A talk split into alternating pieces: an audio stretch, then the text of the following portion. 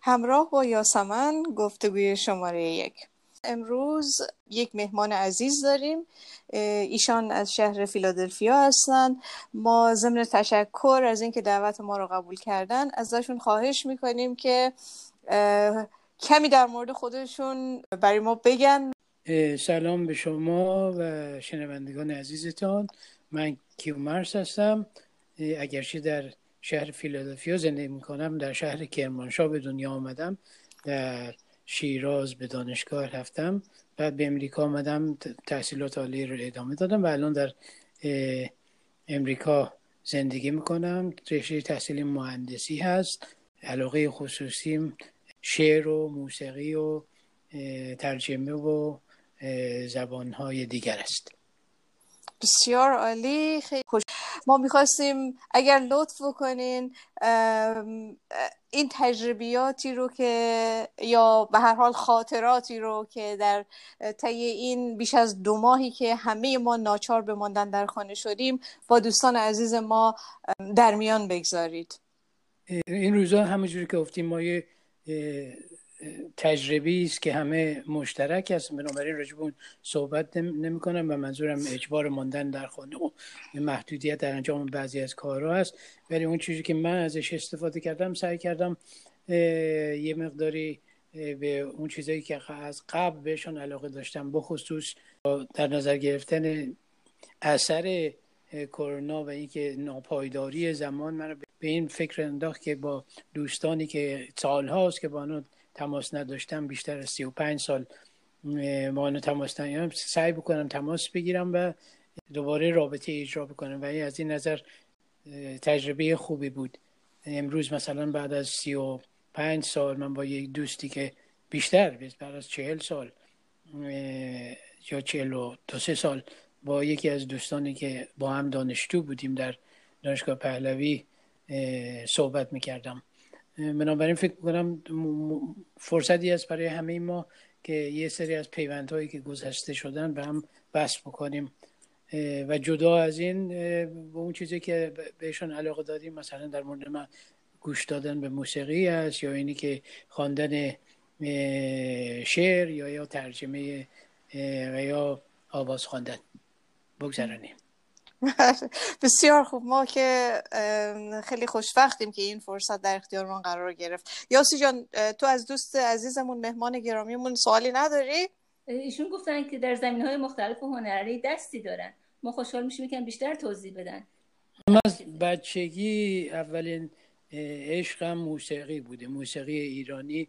و آواز ایرانی بوده. بنابراین از همون زمانهایی که بچه بودیم به جای بقیه بچه ها اگه زمان سرود سرود معمولی رو میخوندن من آهنگ بنان رو میخوندم بنابراین موسیقی همیشه برام عزیز بوده. اون از موسیقی ایرانی. و کسی که با موسیقی ایرانی بخصوص از طریق برنامه برنامه مثل برنامه گلها آشنا شده باشه به شعرم علاقه خواهد داشت. بنابراین شعرم باعث خوشحالی است. جدا از اون دانستن زبان دیگری برای ارتباط با فرهنگ های دیگر اونم از موارد علاقه من بوده. بنابراین خواندن آثاری به زبان دیگر برام جالب هست و از این نظر ترجمه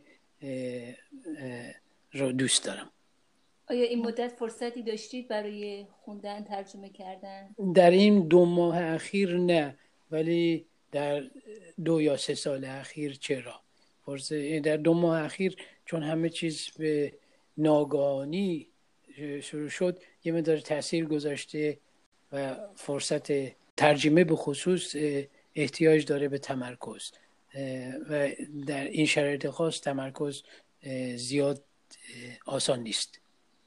خب حالا دوستان ما رو می‌خواید به چیزی مهمان بکنید؟ حالا یا به خواندن آوازی یا به خواندن شعری یا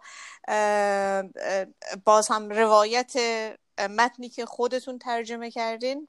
خوشحال میشیم. متنی که خودم ترجمه کرده باشم زیاد دارم ولی الان همراه هم نیست و نزدیکی دسترسی ندارم.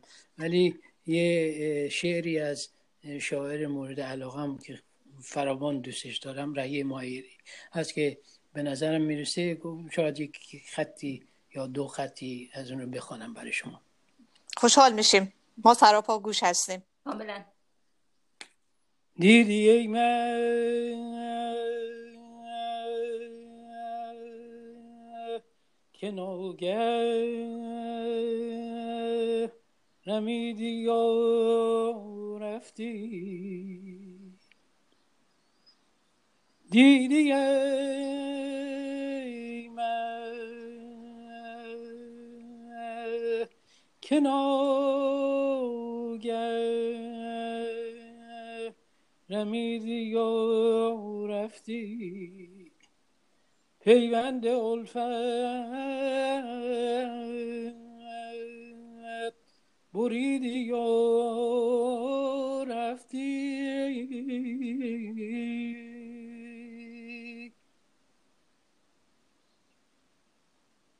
هرچه خاری به یاری کشیدم و دیدم. دامن ز دستم کشیدی و رفتی. بس ها کردم. به امیدی که رحماری به فریاد من. ای گل فریاد از دل تو که از جفا فریاد ما نشنیدی و رفتی. دیدی ای من که ناگه رمیدی یا رفتی؟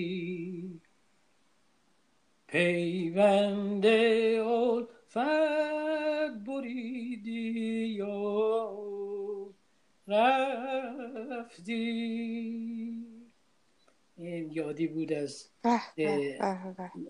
شاعر عزیز رعی معیری و آهنگ بسیار زیبای شادروان حسینی و حقی و به یاد استاد بنان و تشکر می‌کنیم از شما که دعوت ما رو قبول کردین.